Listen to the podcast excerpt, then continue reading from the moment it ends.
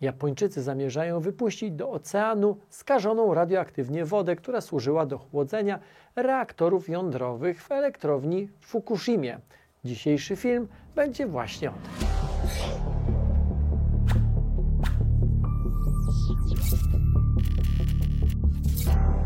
Fukushimie czy w jej okolicy byłem dwa razy. Raz bardzo krótko po samych wydarzeniach związanych z awarią czy wypadkiem reaktorów. Drugi raz chyba równo 10 lat po nich. Kilkanaście lat temu, dokładnie w 2011 roku, w wyniku fali tsunami o niespotykanej wysokości zostały uszkodzone systemy awaryjnego zasilania reaktorów w elektrowni jądrowej w japońskiej Fukushimie. O samym wypadku czy o awarii zrobiłem już kilka materiałów, więc tutaj tylko skrótowo powiem, że reaktory przestały być skutecznie chłodzone. W efekcie tego doszło do ich rozszczelnienia, a w efekcie tego do przedostania się radioaktywnych elementów do wody, którą zaczęto je chłodzić w sposób, umówmy się, mocno prowizoryczny. Ten prowizoryczny system, co prawda, spowodował, że temperatura w rdzeniach przestała rosnąć i zaczęła spadać, ale niestety wiązał się także z tym, że gromadziły się ogromne ilości zanieczyszczonej materiałami radioaktywnymi wody. Dzisiaj nie ma już jej gdzie przechowywać i w ostatnich tygodniach zdecydowano się na jej zrzucenie do Pacyfiku. To wywołuje oczywiście ogromne kontrowersje, szczególnie w Korei, w której mieszkańcy podobno w pośpiechu zaczęli wykupywać sól ze sklepów, po to, by mieć pewność, że ta, która trafi na ich stoły, pochodzi z odsalania nieskażonego morza. Na alarm biją także te gałęzie przemysłu, także w samej Japonii, które żyją z handlu rybami i owocami morza, twierdząc, że gdy rozpocznie się zrzut radioaktywnej wody, nikt nie będzie chciał od nich kupować. No to popatrzmy na fakty, bo w ich szczegółach tkwi problem. Rafael Grossi, dyrektor generalny Międzynarodowej Agencji Energii Atomowej, był ostatnio z wizytą w Tokio u premiera Japonii, po to, by oficjalnie przedstawić raport z przeglądu bezpieczeństwa ekspertów agencji. Stwierdzono w nim, że planowany zrzut wody z elektrowni Fukushima Daiichi jest zgodny ze wszystkimi standardami i procedurami bezpieczeństwa, a jego wpływ radiologiczny na ludzi i środowisko będzie znikomy. Raport jest wynikiem dwuletnich prac, a o jego przygotowanie do agencji zwróciła się sama Japonia. Wodę, zdaniem japońskiego rządu, trzeba albo zrzucić do oceanu, albo odparować, bo zbiorniki, w której teraz ona jest przechowywana, są już w 97% pełne, a nie ma miejsca, żeby wybudować kolejne zbiorniki. Zdecydowano się na wylanie wody i albo argumentowano, że jej szkodliwość jest znikoma, a koszty odparowania byłyby kolosalne. O jakiej ilości wody mówimy?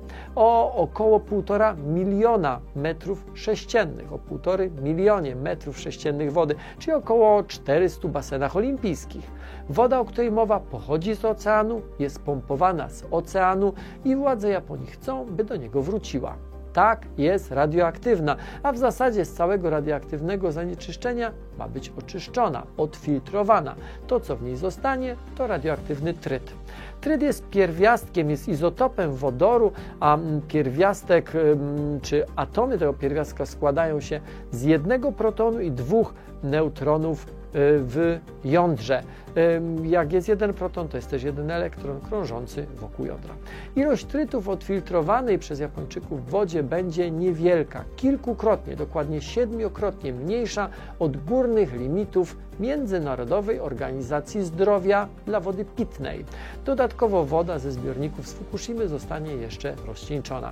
Picie tej wody, jedzenie ryb, które w niej pływają, czy glonów, które w niej rosły, nie będzie stanowiło zagrożenia ani dla życia, ani dla zdrowia ludzi. Oczywiście, o ile woda zostanie oczyszczona zgodnie z założeniami, które zostały wzięte pod uwagę do tych wyliczeń, o których mówię. Nie ma wątpliwości, że Japończycy posiadają technologię, dzięki której będą w stanie oczyścić wodę.